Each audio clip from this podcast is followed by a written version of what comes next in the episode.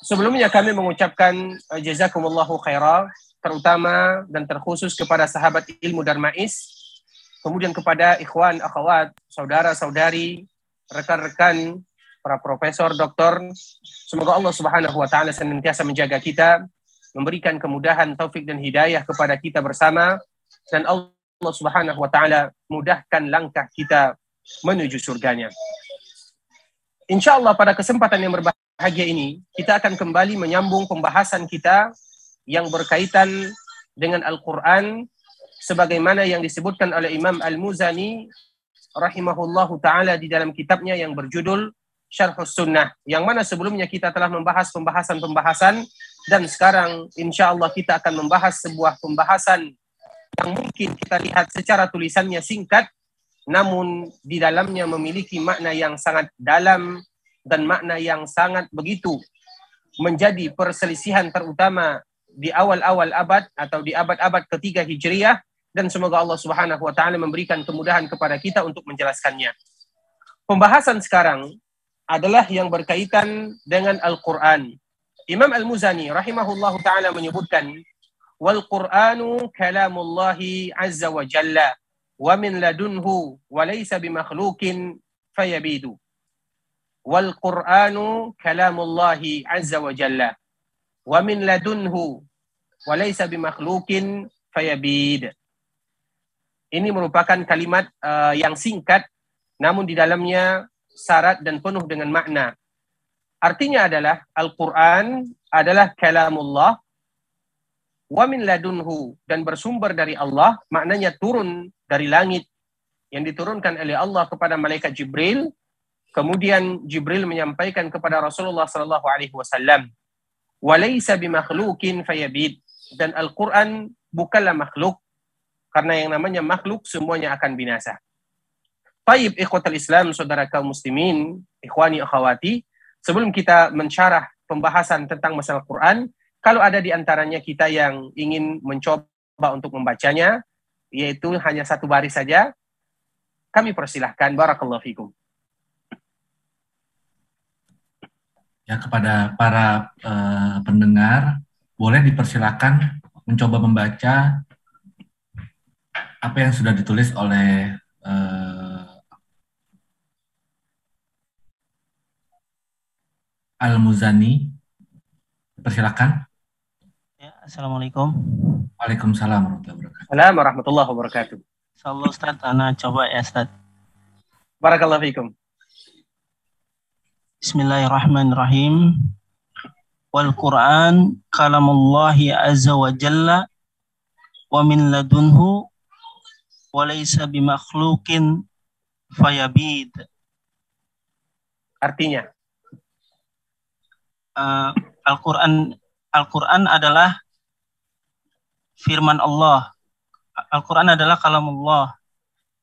Dan Al-Qur'an bukanlah makhluk karena makhluk uh, semua akan binasa.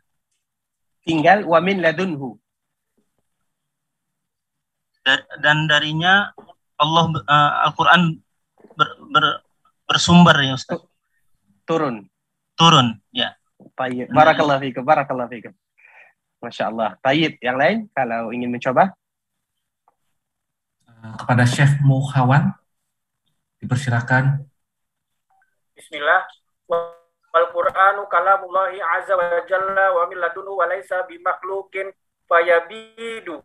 Al-Qur'an itu kalamullah berasal dari sisinya Al-Qur'an itu bukanlah makhluk yang akan binasa. Masya Allah, barakallahu fikum kepada Syekh Muhammad. Barakallahu fik.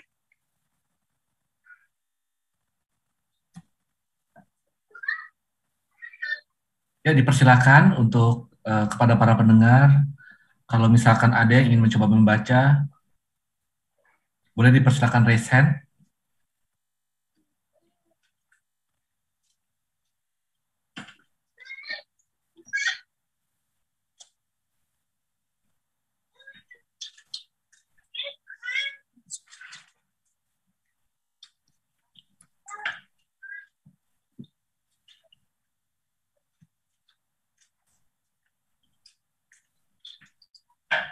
Taib, Ustaz tampaknya uh, sudah tidak ada lagi yang ingin mencoba membaca Ustaz.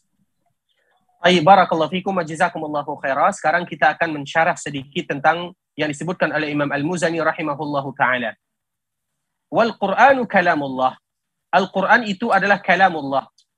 Sebenarnya permasalahan seperti ini merupakan permasalahan yang sudah ijma' oleh para ulama.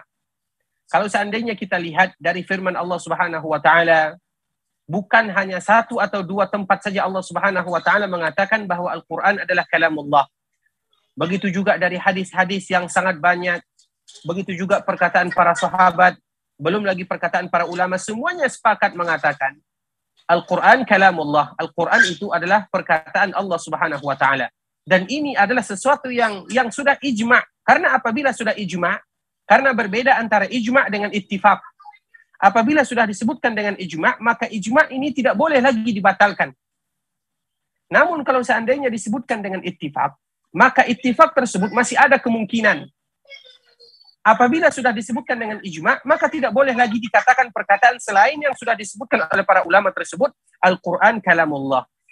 Nah, kenapa muncul dan kenapa ini dimasukkan ke dalam pembahasan akidah? Bahkan ini merupakan usulul akidah.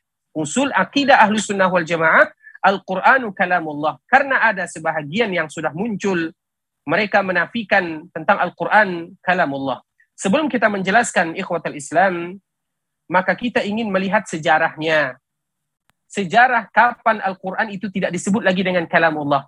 Ada orang yang menyebutkan Al-Quran itu maknanya dari Allah, lafaznya dari Nabi. Ada yang mengatakan Al-Quran itu makna dan lafaznya dari Nabi. Banyak perkataan-perkataan yang disebutkan. Ada yang mengatakan Al-Quran itu hanya sekedar istilah. Ada yang mengatakan bahwa Al-Quran itu misalnya adalah zat qaimum bizatih. Al-Quran itu Allah Subhanahu wa taala tidak menyampaikan namun isi yang disampaikan oleh Allah Subhanahu wa taala kepada Rasulullah sallallahu alaihi wasallam. Ketahuilah, Al-Quran itu adalah kalamullah, maknanya adalah Allah yang berbicara. Allah yang berbicara dengan Al-Quran, kemudian Al-Quran tersebut disampaikan melalui malaikat Jibril dan malaikat Jibril menurunkan kepada Rasulullah sallallahu alaihi wasallam kita akan menyebutkan asal muasal permasalahannya. Kenapa Al-Quran mulai diselewengkan dan pembahasan ini merupakan topik yang paling utama bahkan disebutkan oleh Ali Al-Madini. Ali Al-Madini itu adalah salah seorang ulama jarah wa ta'dil yang dia menghukumi para, para ulama jarah wa ta'dil ada sebuah masalah atau ada sebuah pembahasan yang disebut dengan jarah wa ta'dil terutama di dalam ilmu hadis. Imam Ali Al-Madini rahimahullah menyebutkan bahwa sesungguhnya Allah Subhanahu wa taala membantu Islam, menolong Islam melalui Abu Bakar di zaman riddah, yaitu di zaman banyak orang-orang sudah meninggalkan agama Islam atau orang-orang sudah murtad dari Islam, Allah Subhanahu wa taala membantu agama tersebut melalui Abu Bakar As-Siddiq radhiyallahu taala anhu. Karena memang kepemimpinan Abu Bakar adalah kepemimpinan yang sulit. Ketika Nabi meninggal banyak yang murtad. Dan itu bukan perkara yang mudah diselesaikan. Kemudian apa lanjutan kata Imam Ali Al-Madini? Sebagaimana Allah Subhanahu wa taala membantu kaum muslimin di zaman Imam Ahmad rahimahullahu taala yaitu tentang fitnah khalqul Quran, fitnah khalqul Quran. Ketika Al-Quran sudah dikatakan bukan kalamullah. Sekarang kita ingin melihat sumbernya dari mana dan apa permasalahannya. Ada salah seorang yang bernama Jaham bin Sofwan Jaham bin Safwan ini mereka menafikan atau dia sendiri menafikan Allah berbicara. Dia mengatakan Allah tidak berbicara. Karena nanti apabila kita mengatakan Al-Quran kalamullah, berarti Allah ada kalam. Kalam itu artinya berucap atau berbicara. Sehingga kita tidak mengatakan Allah berbicara. Apabila kita mengatakan Allah tidak berbicara, berarti Al-Quran tersebut bukan kalamullah. Al-Quran itu adalah makhluk. Kemudian perkataan ini dari mana dia ambil supaya kita tahu silsilahnya. Dia ambil dari Ja'ad. Jaham bin Sofwan, dia mengambil sanad ilmu Al-Quran tersebut dari Ja'ad bin Dirham. Siapa Ja'ad bin Dirham ini? Ja'ad bin Dirham ini, dia berada di zaman kepemimpinan kaum muslimin yang mana pada saat itu yang memimpin daerahnya adalah Khalid yang mana Khalid ini adalah panglima perang.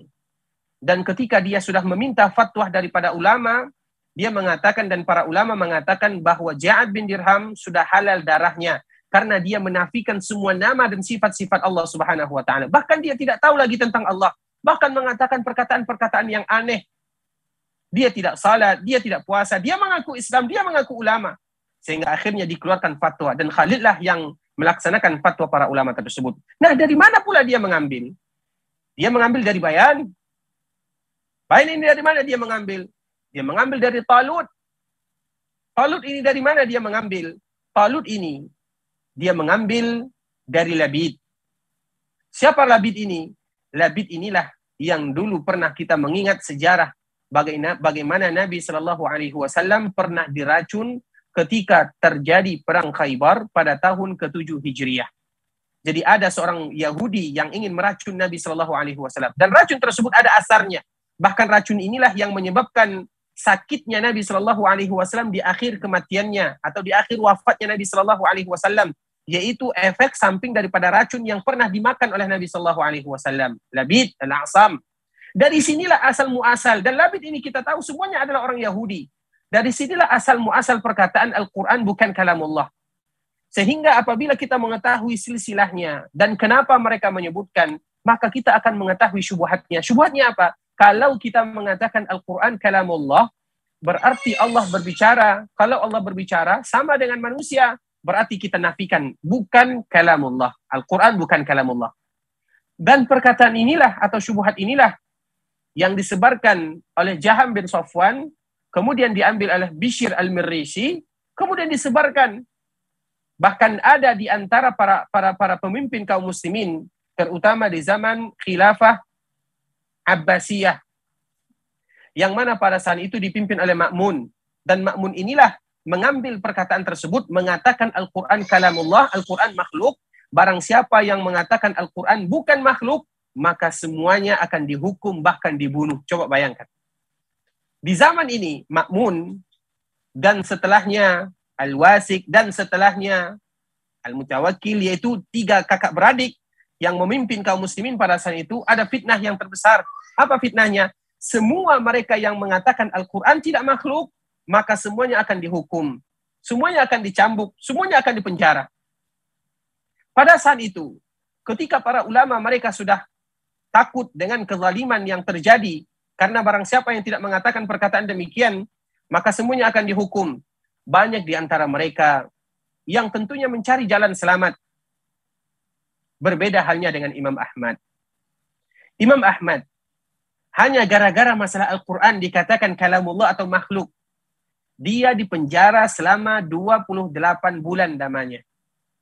Disebutkan oleh para ulama, ketika Imam Ahmad ini dipenjara, hari-harinya dia diberikan cambukan. Kalau seandainya cambuk ini dilemparkan atau dicambukkan kepada unta, maka unta tersebut akan jatuh. Saking kuatnya yang dia rasakan. Dan dia bertahan. Ada temannya bernama Muhammad bin Nuh, yang dia juga seorang ulama dia wafat. Syahid mempertahankan Al-Quran kalamullah. Jadi masalah Al-Quran kalamullah itu bukan sembarangan. Para ulama sudah banyak yang meninggal gara-gara mempertahankan perkataan seperti ini. Al-Quran kalamullah. Apa susahnya kita mengucapkan Al-Quran kalamullah? Masih banyak orang yang mengatakan Al-Quran makhluk, Al-Quran bukan dari Allah. Karena nanti apabila kita mengatakan Al-Quran itu kalamullah, maka Allah berbicara. Kalau Allah berbicara sama dengan makhluk, syubhatnya sama yaitu bagaimana menisbatkan atau bagaimana menyamakan nama dan sifat-sifat Allah Subhanahu wa taala dengan manusia. Sehingga masalah fitnah Quran ini bukan fitnah yang sembarangan. Sebagaimana tadi yang telah kami sebutkan, seluruh para ulama atau kebanyakan para ulama, mereka akhirnya mencari jalan selamat daripada mereka dibunuh, daripada mereka dipenjara, daripada mereka dicambuk. Akhirnya mereka mengikuti secara terpaksa apa yang diinginkan oleh pemimpin pada saat itu.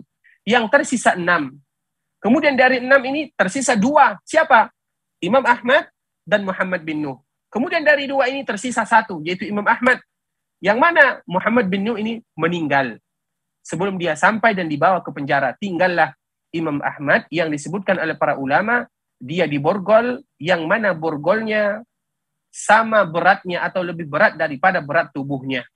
Perjuangan yang sangat dahsyat yang dirasakan oleh Imam Ahmad dalam mempertahankan akidah Al-Quran kalamullah.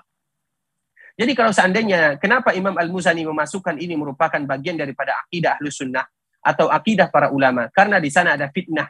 Makanya terkenal dengan fitnah khalqul Quran. Dan Imam Al-Bukhari juga menuliskan tentang masalah-masalah ini yaitu masalah khalqul Quran karena memang Imam Al-Bukhari juga lebih muda daripada Imam Ahmad karena Imam Ahmad meninggal pada tahun 241 Hijriah. Sedangkan Imam Al-Bukhari tidak demikian keadaannya. Nah sekarang Al-Quranu kalamullah. Al-Quran itu adalah kalamullah.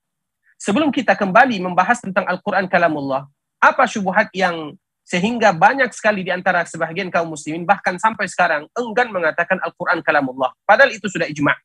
Karena menyerupakan nanti Allah Subhanahu wa taala dengan makhluknya. Sebelum kita menyerupakan atau sebelum kita membahas tentang mereka menyerupakan Allah dengan makhluknya, ada dua kisah yang sangat indah yang mana dengan kisah ini kita akan bisa mengambil pelajaran yang sangat berharga. Kisah yang pertama, sebagaimana yang disebutkan oleh Rasulullah Sallallahu Alaihi Wasallam ketika Nabi senantiasa melewati sebuah batu yang ada di kota Mekah. Ketika Nabi Shallallahu Alaihi Wasallam berada di kota Mekah dan sebelum Nabi hijrah ke kota Madinah, ada sebuah batu yang senantiasa mengucapkan salam kepada Rasulullah Sallallahu Alaihi Wasallam. Dan Rasulullah Sallallahu Alaihi Wasallam ketika meriwayatkan hadis ini, yang mana ketika dia meriwayatkan hadis ini, Nabi berada di kota Madinah. Apa kata Nabi? Kalau seandainya aku pergi ke Mekah, maka aku tahu mana batunya dan di mana posisinya. Nabi Shallallahu Alaihi Wasallam senantiasa ingat batu yang senantiasa mengucapkan salam kepada Rasulullah Shallallahu Alaihi Wasallam dan batu itu ada di kota Mekah namun kita tidak tahu mana batunya karena tentunya itu merupakan mukjizat dari Allah Subhanahu wa taala kepada Rasulullah sallallahu alaihi wasallam. Sehingga kita bertanya-tanya, batu adalah makhluk. Bagaimana dia mengucapkan salam kepada Rasulullah sallallahu alaihi wasallam? Padahal dia tidak punya mulut, dia tidak punya suara, dia tidak punya lisan, namun dia mengucapkan salam kepada Nabi sallallahu alaihi wasallam. Maknanya apa? Antara makhluk dengan makhluk yang lainnya saja. Ketika ada makhluk yang berbicara, tidak mesti ketika mereka berbicara harus menggunakan mulut, harus menggunakan lisan. Tidak. Batu ini senantiasa mengucapkan salam dan Nabi mendengarnya. Dan Nabi meriwayatkan hadis dan ceritanya kepada para sahabat. Begitu juga kisah yang kedua dan ini disaksikan oleh kebanyakan para sahabat. Dan kisah ini adalah kisah yang masyhur. Kita mengetahui dan ini kisah yang kedua Ketika Rasulullah Shallallahu Alaihi Wasallam sudah berada di kota Madinah, Nabi Shallallahu Alaihi Wasallam senantiasa berkhutbah dan berceramah dan Nabi Shallallahu Alaihi Wasallam dalam ceramahnya bertelekan dan bersandar kepada sebuah pohon, pohon kurma. Kemudian ketika Nabi Shallallahu Alaihi Wasallam ketika atau setiap kali berkhutbah dan berceramah, Nabi bersandar kepada pohon korma tersebut, maka dilihat oleh salah seorang wanita yang berasal dari Ansar. Dan dia bertemu dengan Nabi Shallallahu Alaihi Wasallam. dia bertemu dengan Rasulullah Shallallahu Alaihi Wasallam sambil mengatakan, Ya Rasulullah, maukah aku buatkan untukmu mimbar? Karena memang dia memiliki salah seorang budak yang ahli di dalam membuat mimbar. Akhirnya sahabat tersebut atau wanita tersebut, wanita Ansar ini membuatkan mimbar Akhirnya wanita ini membuatkan mimbar untuk Rasulullah Sallallahu Alaihi Wasallam. Kemudian pertama kali Rasulullah Sallallahu Alaihi Wasallam menggunakan mimbar ini, maka Rasulullah Sallallahu Alaihi Wasallam tidak lagi bersandar kepada pohon kurma. Pertama kali Nabi Sallallahu Alaihi Wasallam dan ingin naik ke mimbar tersebut, maka semua para sahabat yang ada di dalam masjid mendengar tangisan seperti anak bayi yang sedang menangis. Dan mereka tahu siapa yang menangis. Ternyata yang menangis itu adalah pohon korma yang tadi biasakan dijadikan sandaran oleh Nabi Shallallahu Alaihi Wasallam. Kenapa pohon korma ini menangis? Karena dia tidak rela berpisah dengan Rasulullah Shallallahu Alaihi Wasallam. Setiap kali berkhutbah Nabi biasa memegangnya, bersandar kepadanya, bertelekan di, di sampingnya, sehingga ketika sudah ada mimbar, maka dia menangis. Pohon korma ini menangis dan didengar oleh semua para sahabat yang ada di dalam masjid. Mereka mengatakan atau para sahabat meriwayatkan kami mendengar pohon korma ini menangis sebagaimana menangisnya anak kecil yang rindu dengan pelukan orang tuanya atau rindu dengan pelukan ibunya. Kemudian apa yang terjadi? Akhirnya Nabi Shallallahu Alaihi Wasallam turun dari mimbarnya. Dan Nabi Shallallahu Alaihi Wasallam kembali memeluk dan merangkul pohon korma tersebut sehingga dia sedikit terdiam sebagaimana sedikit terdiamnya anak kecil yang sudah mulai dirangkul oleh orang tuanya sampai pohon korma ini diam. Apa kata Rasulullah Shallallahu Alaihi Wasallam? Kalau seandainya aku tidak melakukan yang demikian, maka dia akan menangis sampai hari kiamat. Kata Rasulullah Shallallahu Alaihi Wasallam, kalau seandainya aku tidak merangkulnya dan memeluknya, maka dia akan menangis sampai hari kiamat. Tentunya yang menjadi pertanyaan kepada kita bersama, kurma, sebuah pohon menangis. Bagaimana menangisnya? Dan para sahabat mereka mendengar bagaimana pohon ini menangis.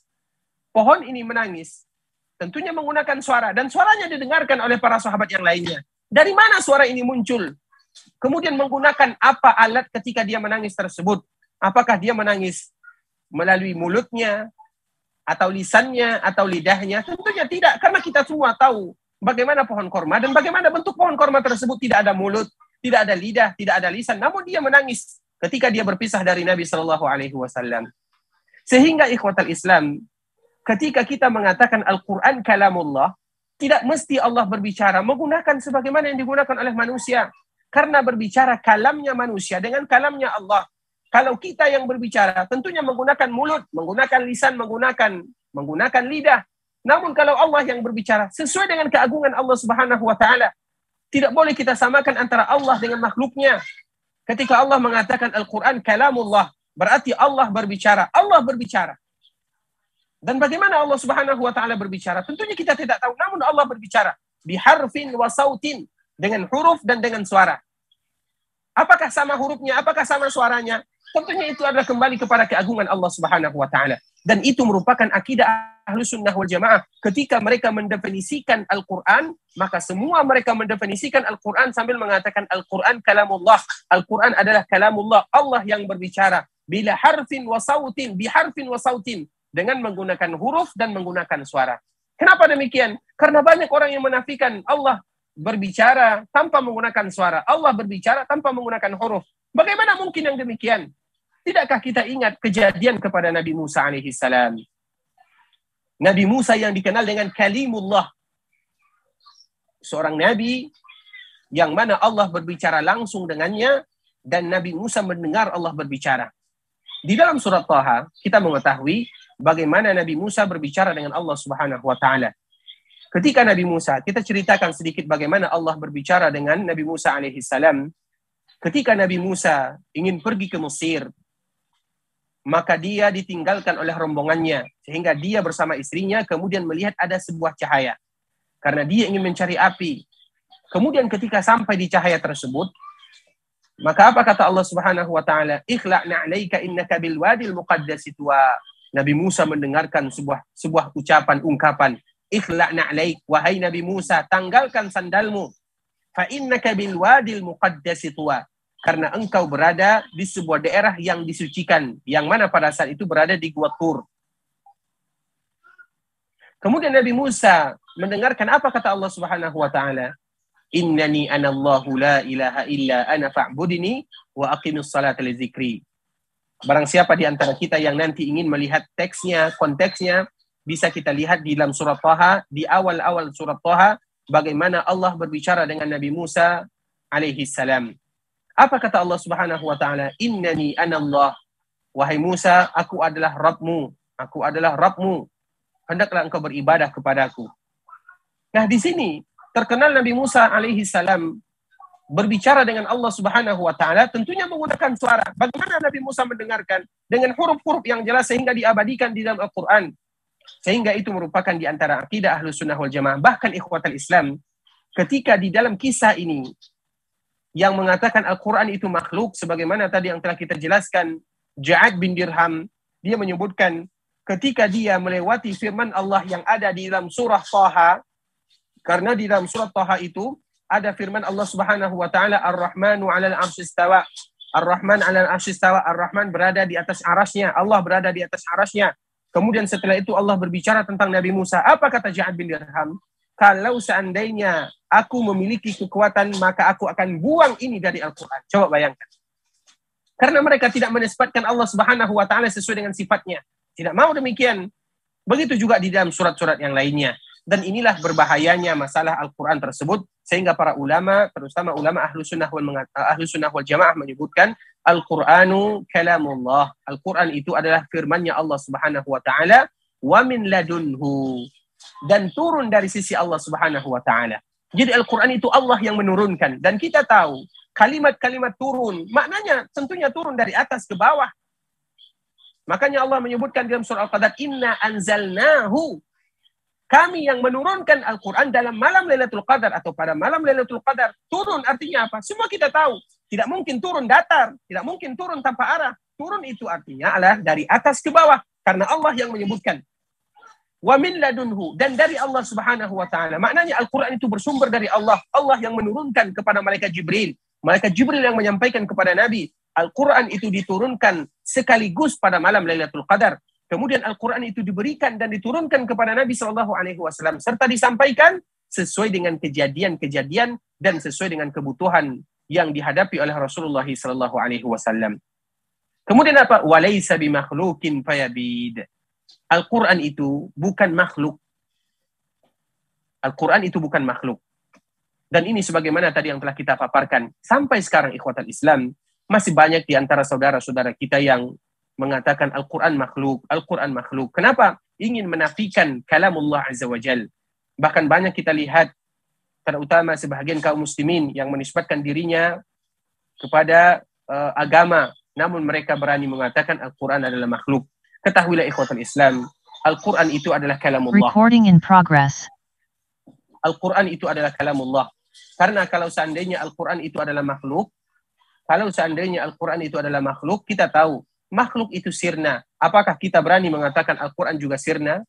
Apabila kita mengatakan Al-Quran itu makhluk, makhluk tempat dosa, penuh melakukan kesalahan. Apakah kita mengatakan Al-Quran juga ada salahnya? Karena yang namanya makhluk tidak ada yang sempurna.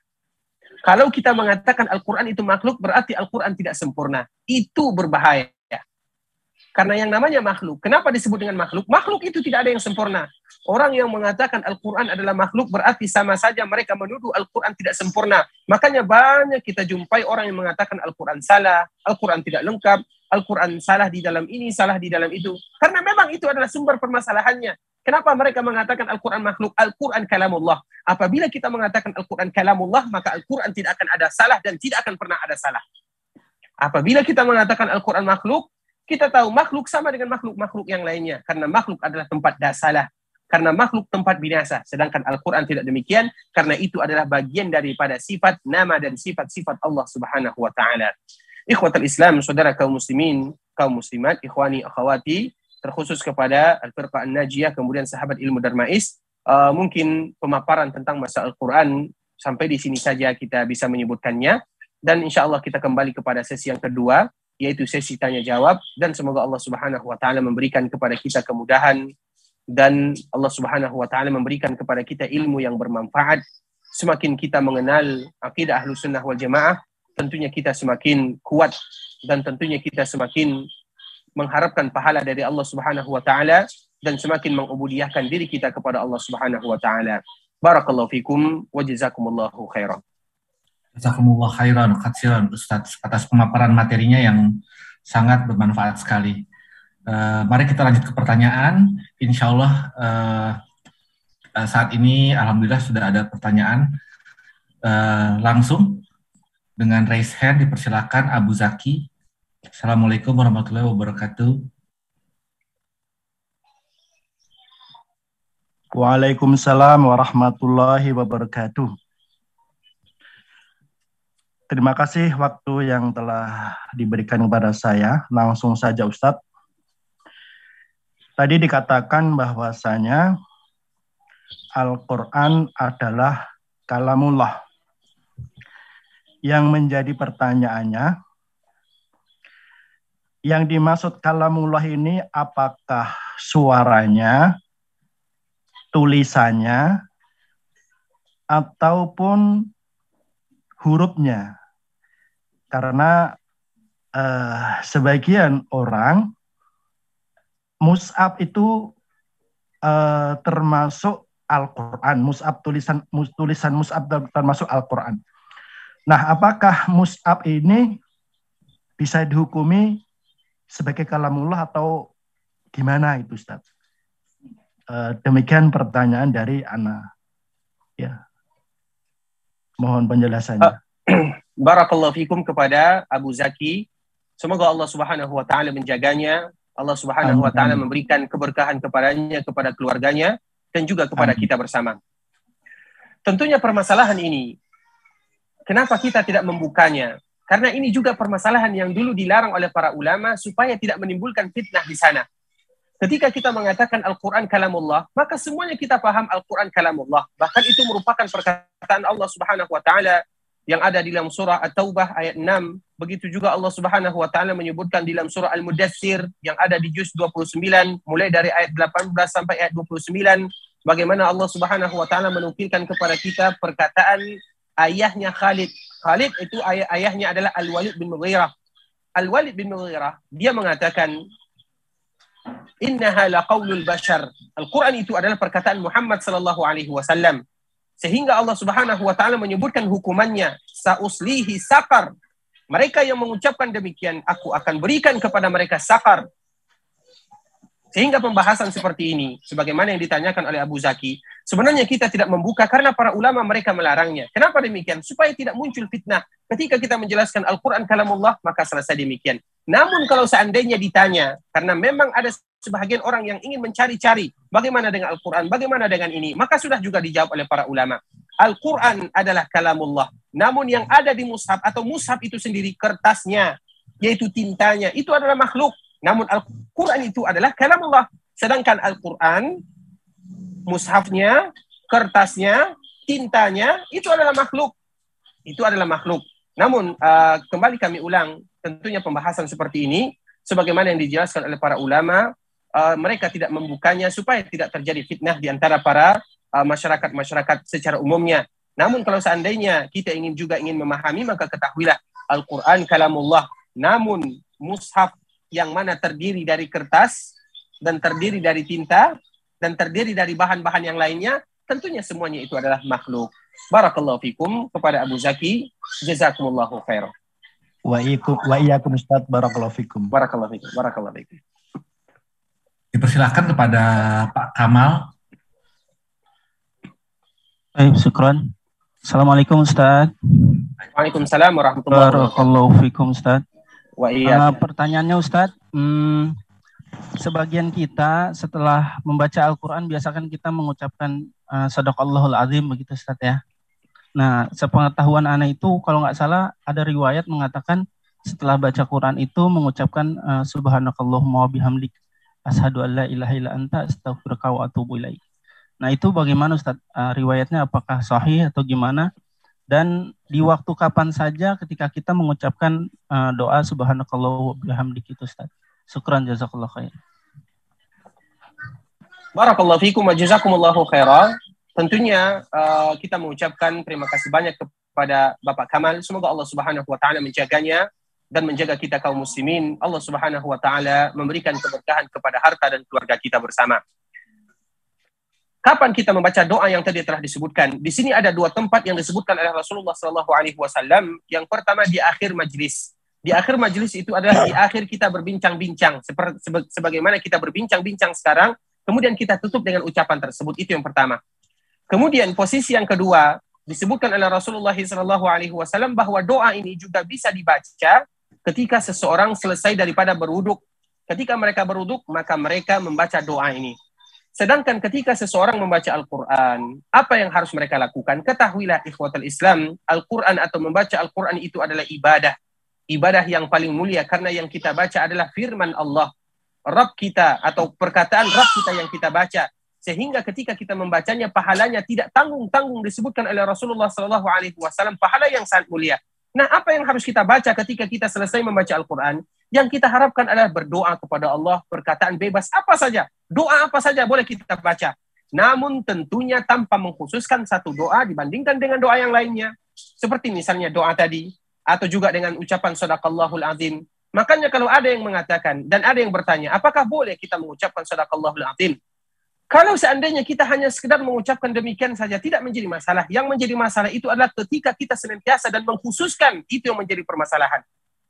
Ketika kita membaca sadaqallahul azim, betul Allah Subhanahu wa taala jujur di dalam ucapannya karena Allah asdaqul qailin.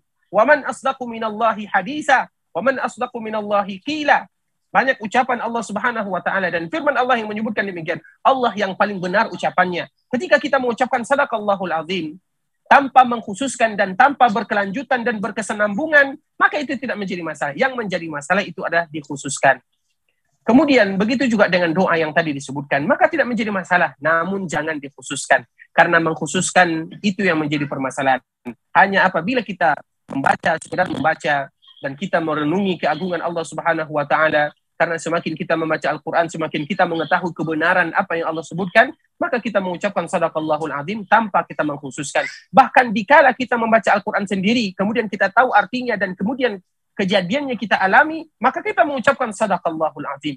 Tidak menjadi masalah. Namun yang menjadi masalah adalah ketika mengkhususkan. Setiap kali selesai membaca Al-Quran, kita khususkan. Karena mengkhususkan sesuatu yang tidak dikhususkan di dalam syariat Islam, maka itu dilarang oleh para ulama. Barakallahu fikum wa jazakumullahu khairan. Jazakumullah khairan Ustaz.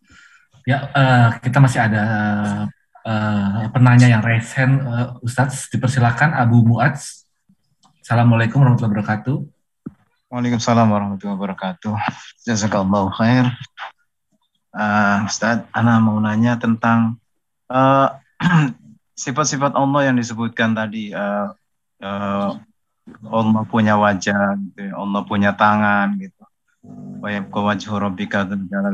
Itu uh, merupakan ayat mutasyabihat ya itu. Terus uh, ini yang jadi per, apa permasalahan kita dengan orang-orang yang masih berpaham Asy'ariyah itu kita dituduh mujasima gitu karena berpegang pada uh, kita meyakini bahwa ayat uh, tentang sifat-sifat Allah. Allah punya wajah, Allah punya tangan dan sebagainya itu kita yakini ya sesuai dengan uh, apa yang di apa disebutkan dalam Al-Quran atau hadis itu tanpa kita mencoba untuk mentakwilnya. Karena mereka menyebut mutasyabihat. Yang sepaham kita bahwa mutasyabihat itu kan wama ya'lamu ta'wilahu illallah. Tidak ada yang mengetahui takwilnya kecuali Allah. Tapi mereka berani untuk mentakwilnya itu. Bahkan sebenarnya mereka yang uh, melakukan uh, pelanggaran sendiri gitu. Tapi menuduh kita sebagai uh, uh, orang yang bergolongan mujasimah dan itu ber, apa uh, menganggap kita adalah aliran sesat itu. Bagaimana menghadapi mereka itu uh, dengan argumen yang mereka lontarkan itu? Jazakallahu khair, Ustaz. Barakallahu fikum kepada Abu Mu'ad. Semoga Allah Subhanahu wa taala menjaganya, menjaga keluarganya dan juga menjaga kita bersama. Tentunya ketika kita menghadapi permasalahan seperti ini, yang harus pertama kali kita lakukan adalah berdoa kepada Allah Subhanahu wa taala. Dalam setiap urusan apa saja ikhwatal Islam dan ini merupakan nasihat untuk kami pribadi dan juga untuk kita bersama ketika kita dihadapkan dengan perselisihan yaitu perbedaan maka yang harus kita lakukan yang pertama kali adalah berdoa kepada Allah agar Allah Subhanahu wa taala senantiasa memberikan kepada kita keyakinan yang kuat dan agar Allah Subhanahu wa taala memberikan kepada kita memberikan petunjuk kepada kita kepada kebenaran dan kita mendoakan saudara-saudara kita kaum muslimin agar juga Allah Subhanahu wa taala memberikan kepada mereka petunjuk. Jadi itu yang pertama kali kita lakukan yaitu kita sama-sama berdoa, mendoakan diri kita dan juga mendoakan saudara-saudara kita. Kemudian yang kita cari adalah kebenaran. Sehingga ada istilah yang namanya tajarrud bil haq. Kita betul-betul terlepas dari sana dan sini, yang kita cari adalah bagaimana kita sampai kepada kebenaran. Karena mereka yang berusaha mencari kebenaran, Allah Subhanahu wa taala akan memberikan kepada mereka petunjuk. Sehingga Allah Subhanahu wa taala menyebutkan di akhir surah Al-Ankabut, "Walladzina jahadu fina lanahdiyannahum subulana." Akhir surat Al-Ankabut. Mereka yang betul-betul berjuang, mereka yang betul-betul berusaha, kami akan bantu mereka mendapatkan apa yang mereka inginkan. Ketika betul-betul kita menginginkan mencari kebenaran, kita berdoa kepada Allah, maka Allah akan memberikan kepada kita bantuan dan pertolongan. Begitu juga terhadap saudara-saudara kita. Kita doakan mereka. Dan tidaklah kita mengetahui, tidaklah setiap muslim mendoakan saudaranya, kecuali itu saja, itu semua juga dia mendoakan dirinya sendiri. Sehingga ketika ada teman-teman kita yang mungkin mengatakan kita mujassima, mengutakan mengatakan kita musyabbiha, mengatakan kita hasyawiyah, mengatakan kita nabitah dan yang semisalnya, kita doakan dan kita bermohon kepada Allah Subhanahu wa taala agar Allah ampunkan kita, Allah ampunkan mereka dan Allah memberikan kepada kita petunjuk sehingga yang kita cari adalah kebenaran dan kita bermohon kepada Allah agar Allah memberikan kepada kita hati yang selamat. Kemudian yang selanjutnya, setelah kita berdoa kepada Allah Subhanahu wa taala, apa yang harus kita lakukan? Yaitu mengemukakan argumen-argumen yang kita miliki. Setiap kali kita berbicara tentang Allah Subhanahu wa taala, maka kita harus tahu yang kita bicarakan adalah Allah, bukan makhluk. Yang kita bicarakan adalah Allah, bukan makhluk. Makanya sering kita sebutkan dan ini adalah permasalahan yang berulang-ulang.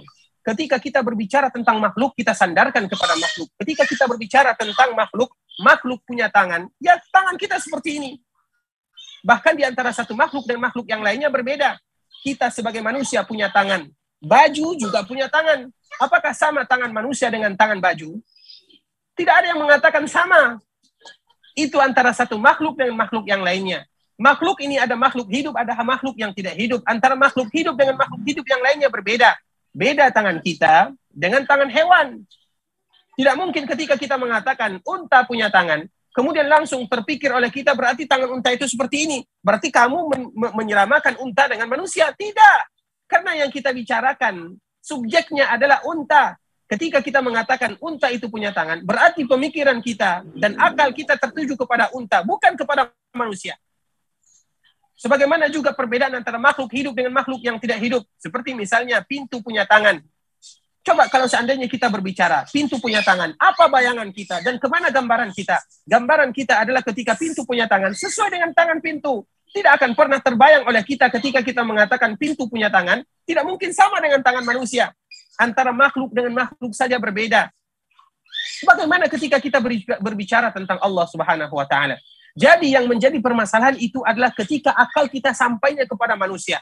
Ketika kita mengatakan Allah Subhanahu wa taala memiliki tangan, maka apa yang terbayang? Berarti kalau Allah Subhanahu wa taala punya tangan, Allah Subhanahu wa taala sama tangannya dengan tangan kita. Siapa yang mengatakan tangan Allah sama dengan tangan makhluknya? Tidak boleh. Bahkan itu haram. Ketika kita mengucapkan Allah punya tangan, kenapa kita mengatakan Allah punya tangan? Allah sendiri yang mengatakan Allah punya tangan, Allah punya wajah.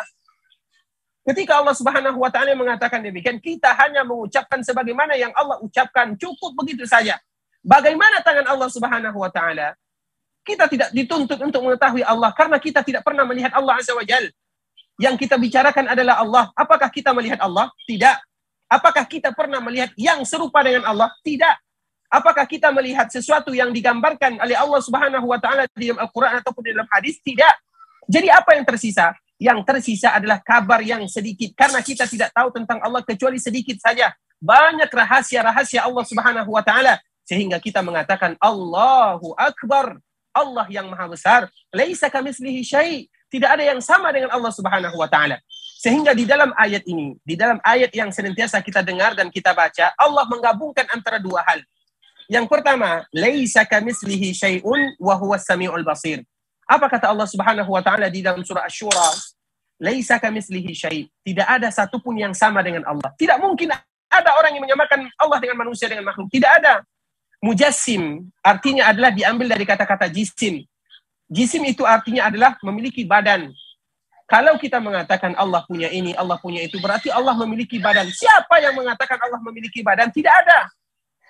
Makanya di awal pembahasan kita tentang kalamullah, kita menyebutkan tadi, ketika Allah berbicara, manusia juga berbicara, hewan juga berbicara, benda mati juga berbicara. Namun apakah sama antara pembicaraan ini dengan pembicaraan itu, dengan pembicaraan itu tidak sama? Makanya tadi kita sebutkan batu mengeluarkan suara, pohon korma mengeluarkan suara. Siapa di antara kita yang berani mengatakan dia sama dengan manusia? Tidak. Ketika kita mengatakan Allah berbicara, tidak pernah kita mengatakan Allah sama bicaranya dengan kita. Tidak. Kita hanya mengatakan sebagaimana yang Allah katakan. Makanya Allah menyebutkan laisa kamislihi syai, tidak ada yang sama dengan Allah. Namun Allah juga menyambungnya wa huwas samiul basir dan Allah Maha melihat dan Allah Maha mendengar. Kita tahu di antara sifat Allah wa kana Allahu samian basira. Allah maha mendengar, Allah maha melihat.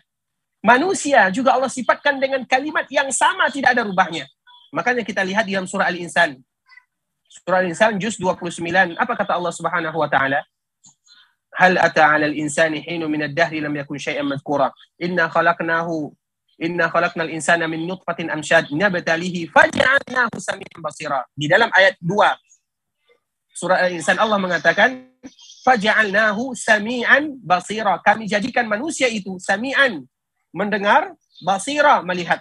Allah juga mengatakan untuk dirinya di dalam surah An-Nisa ayat 56 atau 57 Allah menyebutkan wa kana Allahu samian basira dan Allah Maha mendengar dan Allah Maha melihat. Kalimatnya sama, lafaznya sama. Allah mendengar, manusia mendengar. Allah melihat, manusia juga melihat. Apakah sama Allah melihat, manusia melihat dengan makhluk melihat? Siapa yang mengatakan sama? Apakah sama kita mengatakan manusia mendengar, Allah juga mendengar? Tidak ada sama dan tidak akan pernah sama. Sehingga ikhwatul Islam, orang-orang yang mengatakan dan mentakwil ayat-ayat sifat yang pertama kali terlintas dalam pemikirannya adalah Allah sama dengan makhluknya. Sehingga yang mujassimah, yang musyabbiha itu siapa? Mereka itulah yang musyabbiha yang sebenarnya. Kenapa? Karena tidak mungkin mereka mengatakan perkataan ini kecuali yang pertama kali terbayang dalam pemikiran dan akalnya adalah berarti kalau Allah punya wajah yang terbayang dalam pemikirannya wajah itu sama dengan wajah yang kita lihat. Tidak. Ketika kita berbicara tentang Allah memiliki tangan misalnya yang terbayang dalam pemikirannya adalah tangan manusia. Tidak. Karena yang kita bicarakan adalah Allah. Sehingga tidak ada kata-kata takwil di sana. Makanya di antara salah satu bentuk firman Allah Subhanahu wa taala sebagaimana pembahasan kita ini dan juga ada hubungannya wal Qur'anu kalamullah. Al-Qur'an itu adalah kalamullah. Kalamullah itu jelas. Allah turunkan Al-Qur'an dengan bahasa Arab yang jelas. Kalau ditakwil, takwil itu artinya memberikan makna yang bukan makna sebenarnya. Sama saja kita tidak mengatakan Al-Qur'an kalamullah. Ketika kita mengatakan di takwil, takwil itu apa artinya? Takwil itu artinya adalah diberikan kepadanya makna yang bukan makna aslinya. Itu arti takwil. Diselewengkan itu artinya takwil. Ketika kita mengatakan harus ditakwil, maka berarti kita mengatakan Al-Quran itu tidak sempurna. Kalamullah itu tidak sempurna. Berarti Allah berbicara dengan makhluknya ketika Allah menurunkan Al-Quran itu kepada Nabi Muhammad dan Nabi Muhammad Wasallam membacakan kepada para sahabatnya. Berarti para sahabatnya tidak paham. Apakah berani kita mengatakan yang demikian? Karena Al-Quran itu adalah sesuatu yang jelas Arabiyum mubin. Bahasa Arab yang jelas. Bisa jadi yang salah itu adalah kita yang tidak bisa paham. Namun Al-Quran itu jelas. Arabiyum mubin. Apalagi yang berkaitan dengan nama dan sifat-sifat Allah. Ketahuilah ikhwatal Islam, sebuah keedah secara umum. Sesuatu yang paling dibutuhkan oleh manusia, maka Allah akan memudahkan kepemahaman di sana. Ini poin yang terpenting ketika Allah atau ketika manusia membutuhkan sesuatu, maka Allah akan memberikan kejelasan yang sejelas-jelasnya. Kita contohkan dalam masalah dunia, apa yang dibutuhkan oleh manusia? Udara. Udara di mana-mana. Karena semua manusia butuh, bahkan makhluk yang lain juga butuh. Apalagi yang dibutuhkan oleh manusia? Air. Kalau seandainya kita nisbatkan, kita bandingkan mana yang paling dibutuhkan oleh manusia, udara atau air.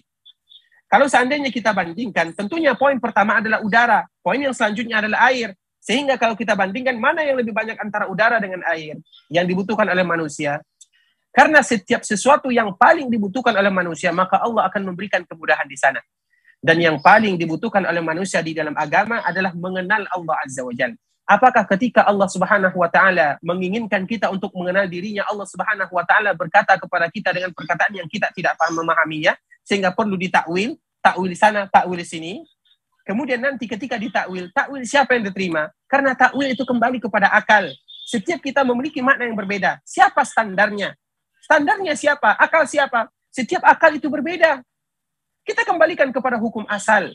Hukum asalnya adalah apa yang Allah sebutkan, maka kita beriman. Bagaimananya, bagaimana tangan Allah, bagaimana wajah Allah, kita tidak pernah tahu. Karena Allah tidak memberitahukan kita. Sehingga cukup ini ikhwatan Islam.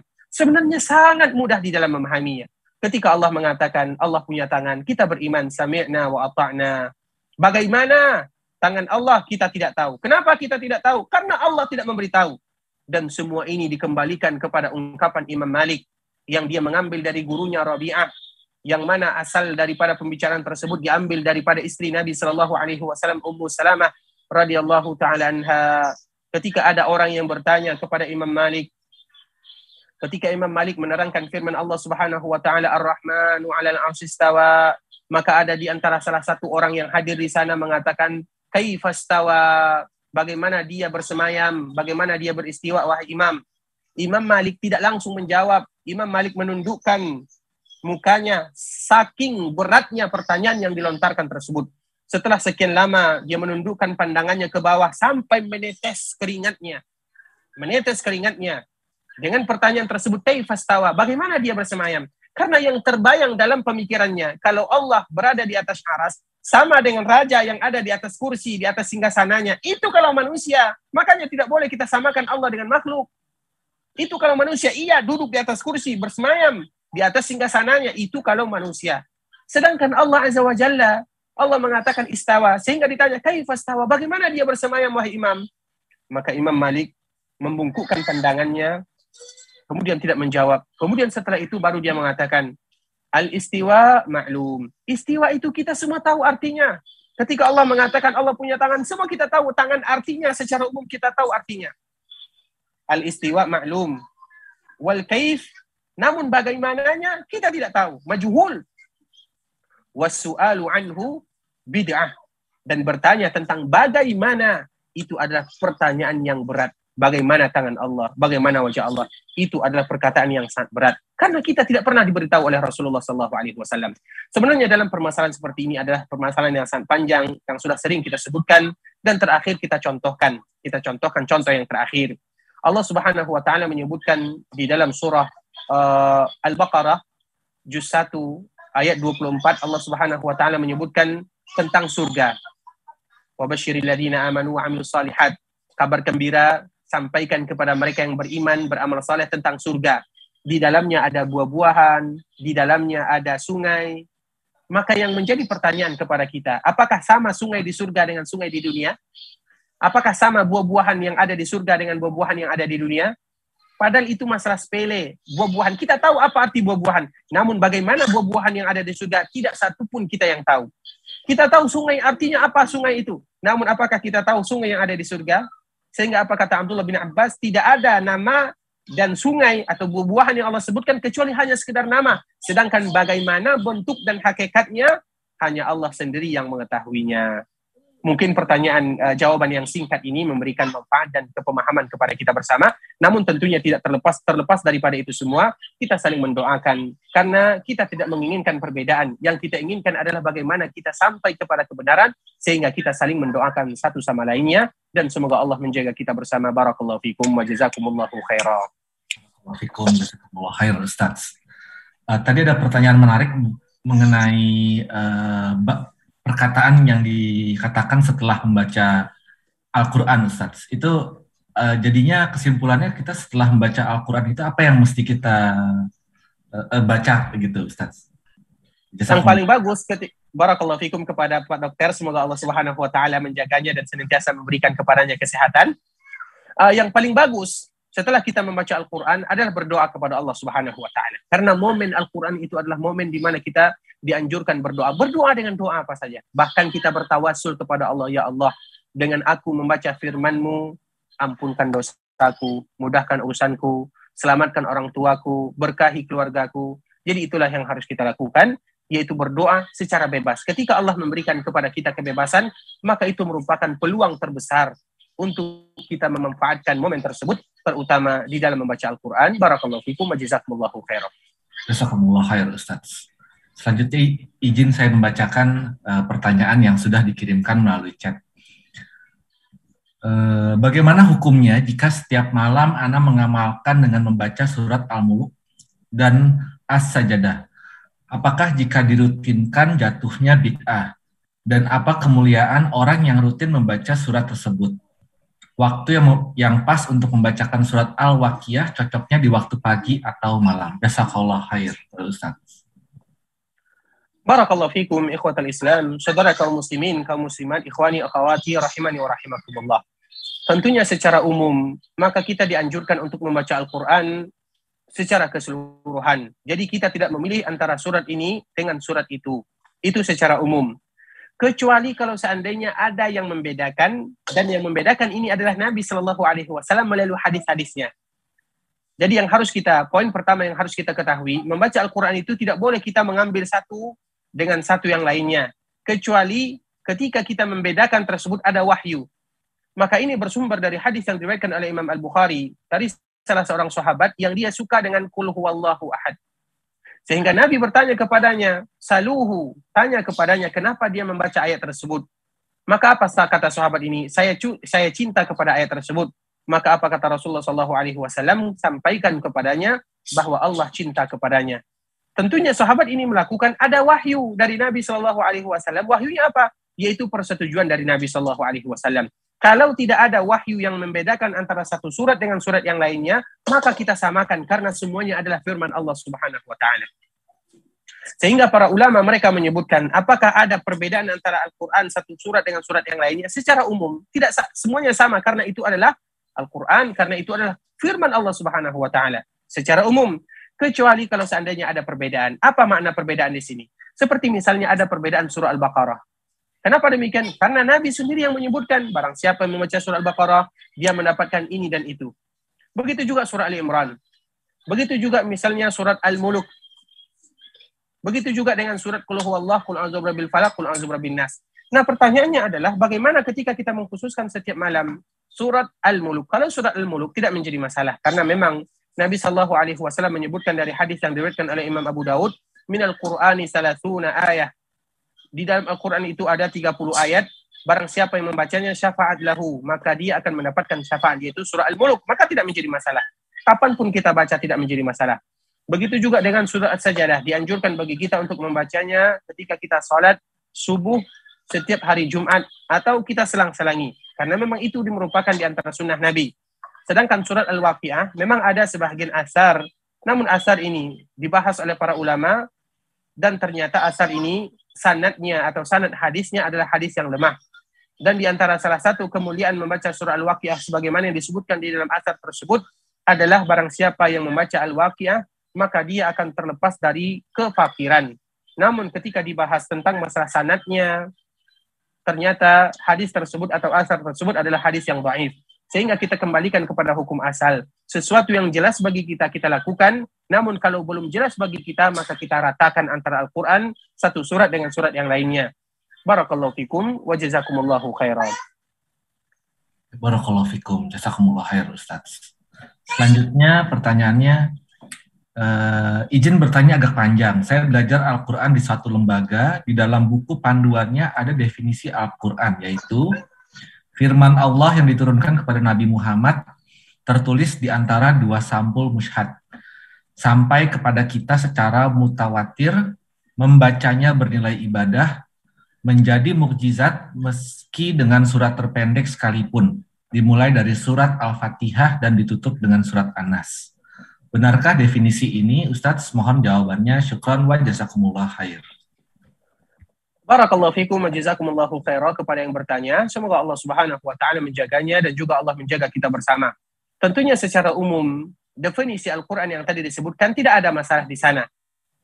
Karena memang para ulama kenapa mereka ber, berbeda di dalam mendefinisikan Al-Qur'an. Sebenarnya perbedaan tersebut muncul ketika ada keyakinan-keyakinan yang menyimpang. Seperti misalnya kalau kita definisikan Al-Quran di zaman para sahabat Nabi Shallallahu Alaihi Wasallam, Al-Quran kalamullah, Al-Quran adalah firman Allah yang Allah turunkan kepada Nabi Muhammad selesai. Namun abad selanjutnya ditambah lagi Al-Quran kalamullah munazal min indihi biharfin wa sautin tambah lagi.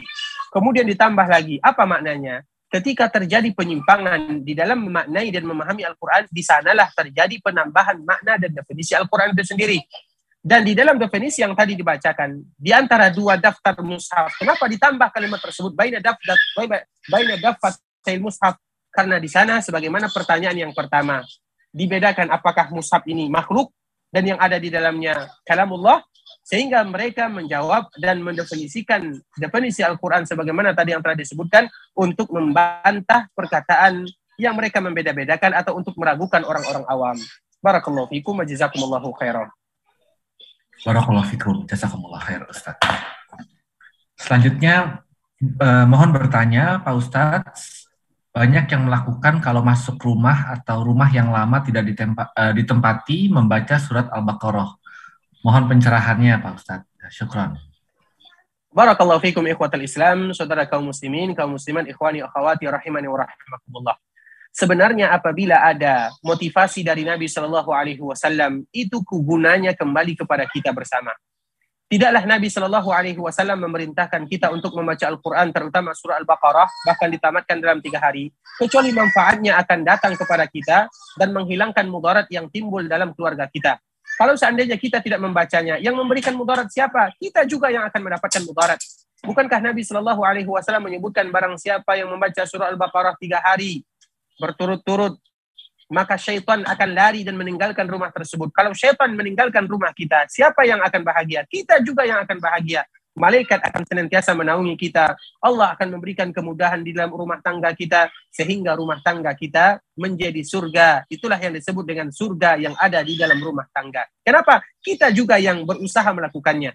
Namun kalau seandainya kita tidak membacanya, baik ketika kita di rumah masuk ke dalam rumah yang sudah lama kita tinggalkan atau rumah yang sudah lama kita tinggal di sana, yang rugi siapa? Yang rugi kita juga kalau seandainya kita tidak menjadikan rumah kita istana surga, siapa yang akan menjadikan rumah kita demikian? Bagaimana menjadikan rumah tersebut menjadi istana surga? Yaitu dengan beribadah kepada Allah, dengan menghidupkan ayat-ayat Al-Quran, dengan beribadah salat, dengan ibadah-ibadah yang lainnya. Kita yang akan menghidupkan rumah kita, bukan orang lain. Dan di antara salah satu cara menghidupkannya adalah dengan Al-Quran. Kalau kita tidak menghidupkan dengan Al-Baqarah, siapa yang akan menghidupkan di rumah kita?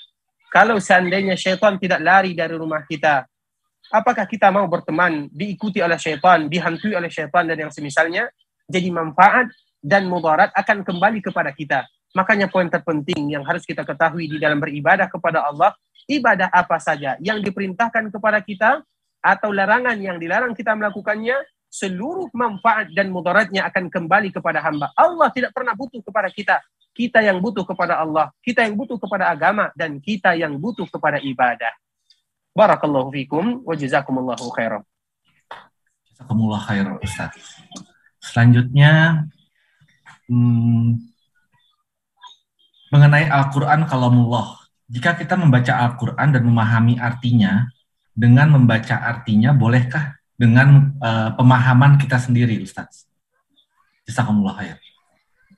Barakallahu fikum ikhwatal Islam, saudara kaum muslimin, kaum muslimat, ikhwani, akhwati rahimani wa rahimakumullah. Tentunya di dalam membaca Al-Quran, maka ada tahapan-tahapannya. Tahapan yang pertama adalah belajar membaca Al-Quran.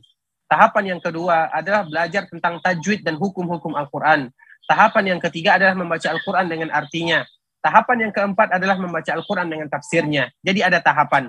Kalau seandainya yang ditanyakan adalah tahapan untuk memahami Al-Quran, tidak menjadi masalah. Namun kalau seandainya tidak ada tahapan demikian, kita membaca artinya, kemudian kita memahami dengan pemahaman kita, maka tentunya tidak boleh. Kenapa? Karena pemahaman kita berbeda. Satu ayat saja, kalau seandainya dibaca oleh 10 orang, maka akan muncul di sana 10 pemahaman. Tentu tidak diinginkan yang demikian. Seluruh hal-hal yang akan menyebabkan perpecahan dan perbedaan di antara kita, maka harus kita hilangkan. Jadi bagaimana supaya kita bisa memahami Al-Quran? Tentunya kita kembalikan kepada mufassir. Siapa yang ahli di dalam mentafsirkan Al-Quran? Para sahabat Nabi. Ada yang namanya Abdullah bin Abbas, Kemudian tafsir ini ada yang namanya tafsir Mujahid, yang mana dia adalah muridnya Abdullah bin Abbas. Kemudian ada tafsir At-Tabari, tafsir yang paling besar. Kalau seandainya kita lebih lebih ringan lagi, misalnya kita mencari tafsir Ibnu Katsir, sehingga pemahaman kita tidak boleh kita memahami sembarangan tentang Al-Quran, harus dikembalikan kepada kepemahaman para sahabat Nabi, para ulama-ulama terdahulu atau yang kita kenal dengan tiga generasi yang utama. Kenapa? Kalau kita pahami sendiri-sendiri, setiap kita memilih memiliki pemahaman yang berbeda karena akal kita yang berbeda. Sehingga cara memahami Al-Quran harus dikembalikan kepada ahlinya. Barakallahu fikum wa jazakumullahu khairan. Jazakumullah khair, Ustaz. Selanjutnya ada pertanyaan eh, di luar uh, tema kita hari ini yaitu berkaitan dengan harta riba, Ustaz. Izin saya bacakan. Kalau kita mendapat manfaat atau pertambahan nilai atau bunga dari uang gaji kita yang ditransfer ke bank. Ana pernah mendengar uang tersebut kita gunakan untuk fasilitas umum seperti jalan, WC umum, lampu jalan, dan lain-lain supaya kita tidak memakan harta riba. Bagaimana kalau situasinya terbalik, Ustaz? Kita terlilit hutang dan harus membayar bunga bank tersebut. Bagaimana cara kita menghindari dan atau membersihkannya, Ustaz? Jazakallah uh, khair barakallahu fikum. Barakallahu fikum ikhwatal Islam, saudara kaum muslimin, kaum muslimat, ikhwani, akhwati rahimani wa rahimakumullah. Riba kita semuanya tahu di antara dosa-dosa besar sebagaimana yang disebutkan oleh Imam Az-Zahabi bahwa riba termasuk di antara dosa-dosa besar yang kita berusaha semaksimal mungkin untuk meninggalkannya dan semoga Allah memberikan kemudahan kepada kita bersama. Kemudian riba itu terbagi kepada dua. Yang pertama riba yang menguntungkan secara zahir karena memang riba tidak ada yang menguntungkan. Namun kita bagi secara zahir saja. Riba yang pertama adalah yang menguntungkan sebagaimana pertanyaan yang pertama. Kemudian riba yang merugikan sebagaimana pertanyaan yang kedua. Dan kita tahu konsekuensinya. Ketika kita meminjam uang di bank, misalnya kita meminjam uang 100 juta dan kita harus mengembalikan 120 juta tergantung bunga, persentase atau persen yang diminta oleh bank tersebut. Nah, kita ingin terlepas darinya. Apa yang harus kita lakukan? Dan ini uh, sebenarnya kami tidak bisa memberikan fatwa, hanya saja kami menukilkan fatwa terutama dari mereka yang ahli di bidangnya. Kita tahu ada senior kami, uh, Ustadz Irwandi. Ustadz Irwandi Tahir uh, merupakan senior kami yang uh, dia lulusan Riyadh S3 dan dia memiliki sebuah buku yang sangat uh, populer yang sudah tersebar di masyarakat Indonesia yang mungkin kita bisa baca dan lihat di sana. Kemudian begitu juga dengan muhadarah-muhadarahnya yang betul-betul berkaitan dengan riba. Dia memberikan jawaban, kalau seandainya demikian keadaannya, maka kita lunasi. Misalnya kita tahu kita tidak boleh lagi bermuamalah dengan riba tersebut. Kita ingin melunasinya. Dan kita ingin melunasinya dengan pokok yang kita pinjam. Kalau seandainya pihak bank tersebut tidak mengizinkan atau tidak membolehkan, maka kita bawa MUI ke sana, MUI. Karena memang MUI sudah mengharamkan. Sehingga nanti butuh uh, orang lain dan di antaranya adalah mereka yang ahli di dalam agama untuk menyelesaikan permasalahan seperti ini. Kalau bisa. Namun kalau seandainya tidak bisa dan urusannya ribet, maka nanti kita boleh membayar semuanya dan kita bermohon kepada Allah dan selesai urusan kita dengan bank tersebut. Karena dalam kesempatan ini maka kita adalah pihak yang dirugikan dan memang pihak uh, dan memang riba tersebut tidak ada yang menguntungkan. Barakallahu fikum wa jazakumullahu khairan. Jazakumullah khair Ustaz.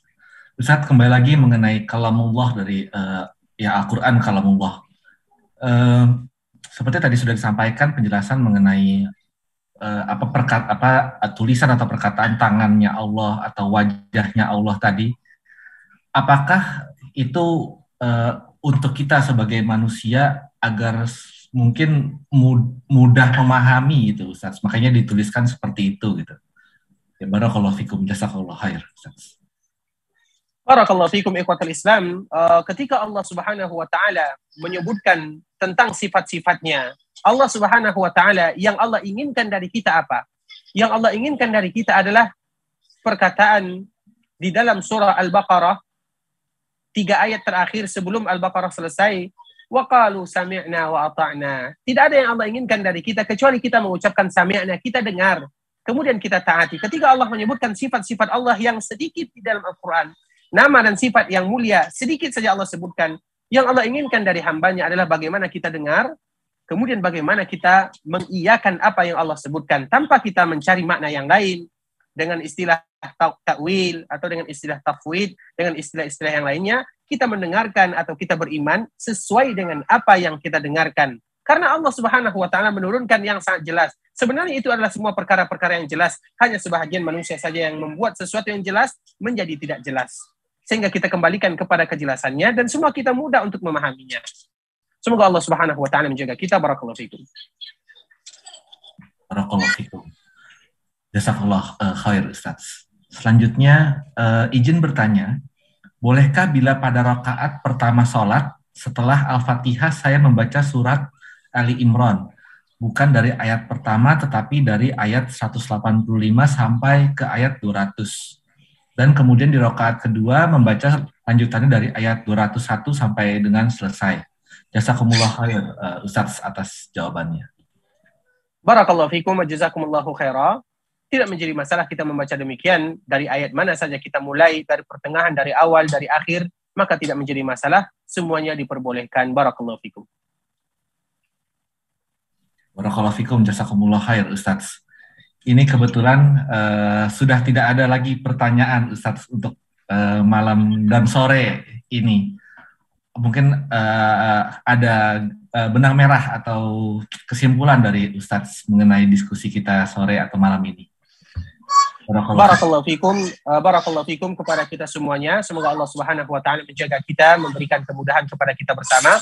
Uh, sebelumnya tentunya kesimpulan yang dapat kita ambil dari pembahasan kita sore kali ini adalah bagaimana kita menyerahkan semuanya kepada Allah Subhanahu wa taala dan kita beriman sesuai apa yang disampaikan kepada kita tanpa kita harus melihat dan mencari apa hakikat yang sebenarnya. Karena banyak urusan-urusan yang itu di luar daripada akal dan pemikiran kita. Banyak perkara-perkara yang gaib istilahnya. Sehingga ayat Al-Quran yang pertama kali diturunkan oleh Allah Subhanahu wa taala setelah Al-Fatihah adalah Alif Lam Mim. Dzalikal kitabul raiba fihi hudal muttaqin. Ada perkara-perkara yang gaib. Alladzina yu'minuna bil ghaib. Yaitu mereka yang beriman kepada yang gaib. Yang gaib itu sangat banyak tidak semuanya diketahui oleh manusia. Sehingga Allah memberikan ayat pertama yang diturunkan tersebut adalah perkara yang gaib agar kita betul-betul beriman kepada Allah Subhanahu wa taala dan menyerahkan semuanya kepada Allah Subhanahu wa taala. Kemudian uh, sebelumnya kami mohon maaf kepada ikhwan, akhwat, Bapak Ibu, Profesor Doktor uh, karena memang uh, sedikit berbeda dari hari yang hari yang lainnya karena memang pada kesempatan yang berbahagia ini uh, kami diberikan kemudahan untuk pergi ke Mekah sehingga memang agak penampilannya agak sedikit berbeda, agak sedikit kacau, ada suara sana dan sini. Jadi kami mohon maaf kepada semuanya dan uh, kita berdoa kepada Allah agar Allah menjaga kita bersama. Tidaklah ada di antara kita yang bergabung di dalam acara ini kecuali Allah ampunkan semuanya. Allah mudahkan urusannya. Kalau seandainya ada yang sakit Allah sembuhkan, ada yang susah Allah mudahkan, ada yang terlilit hutang Allah selesaikan dan kita bermohon kepada Allah Subhanahu wa taala agar suatu saat nanti Allah memberikan kemudahan kepada kita untuk datang ke kota Mekah Al-Mukarramah untuk melaksanakan ibadah haji ataupun melaksanakan ibadah umrah. Barakallahu fikum wa jazakumullahu khairah. Yang benar dari Allah, yang salah dari kami pribadi karena kurangnya ilmu kami, karena kebodohan dan kejahilan kami. Dan kami mohon maaf, kita tutup dan membaca doa kafaratul majlis. Subhanakallah wa bihamdika asyhadu an la ilaha illa anta astaghfiruka wa atubu ilaik. Assalamualaikum warahmatullahi wabarakatuh. ارجعي إلى ربك راضية مرضية فادخلي في عبادي. وادخلي جنتي.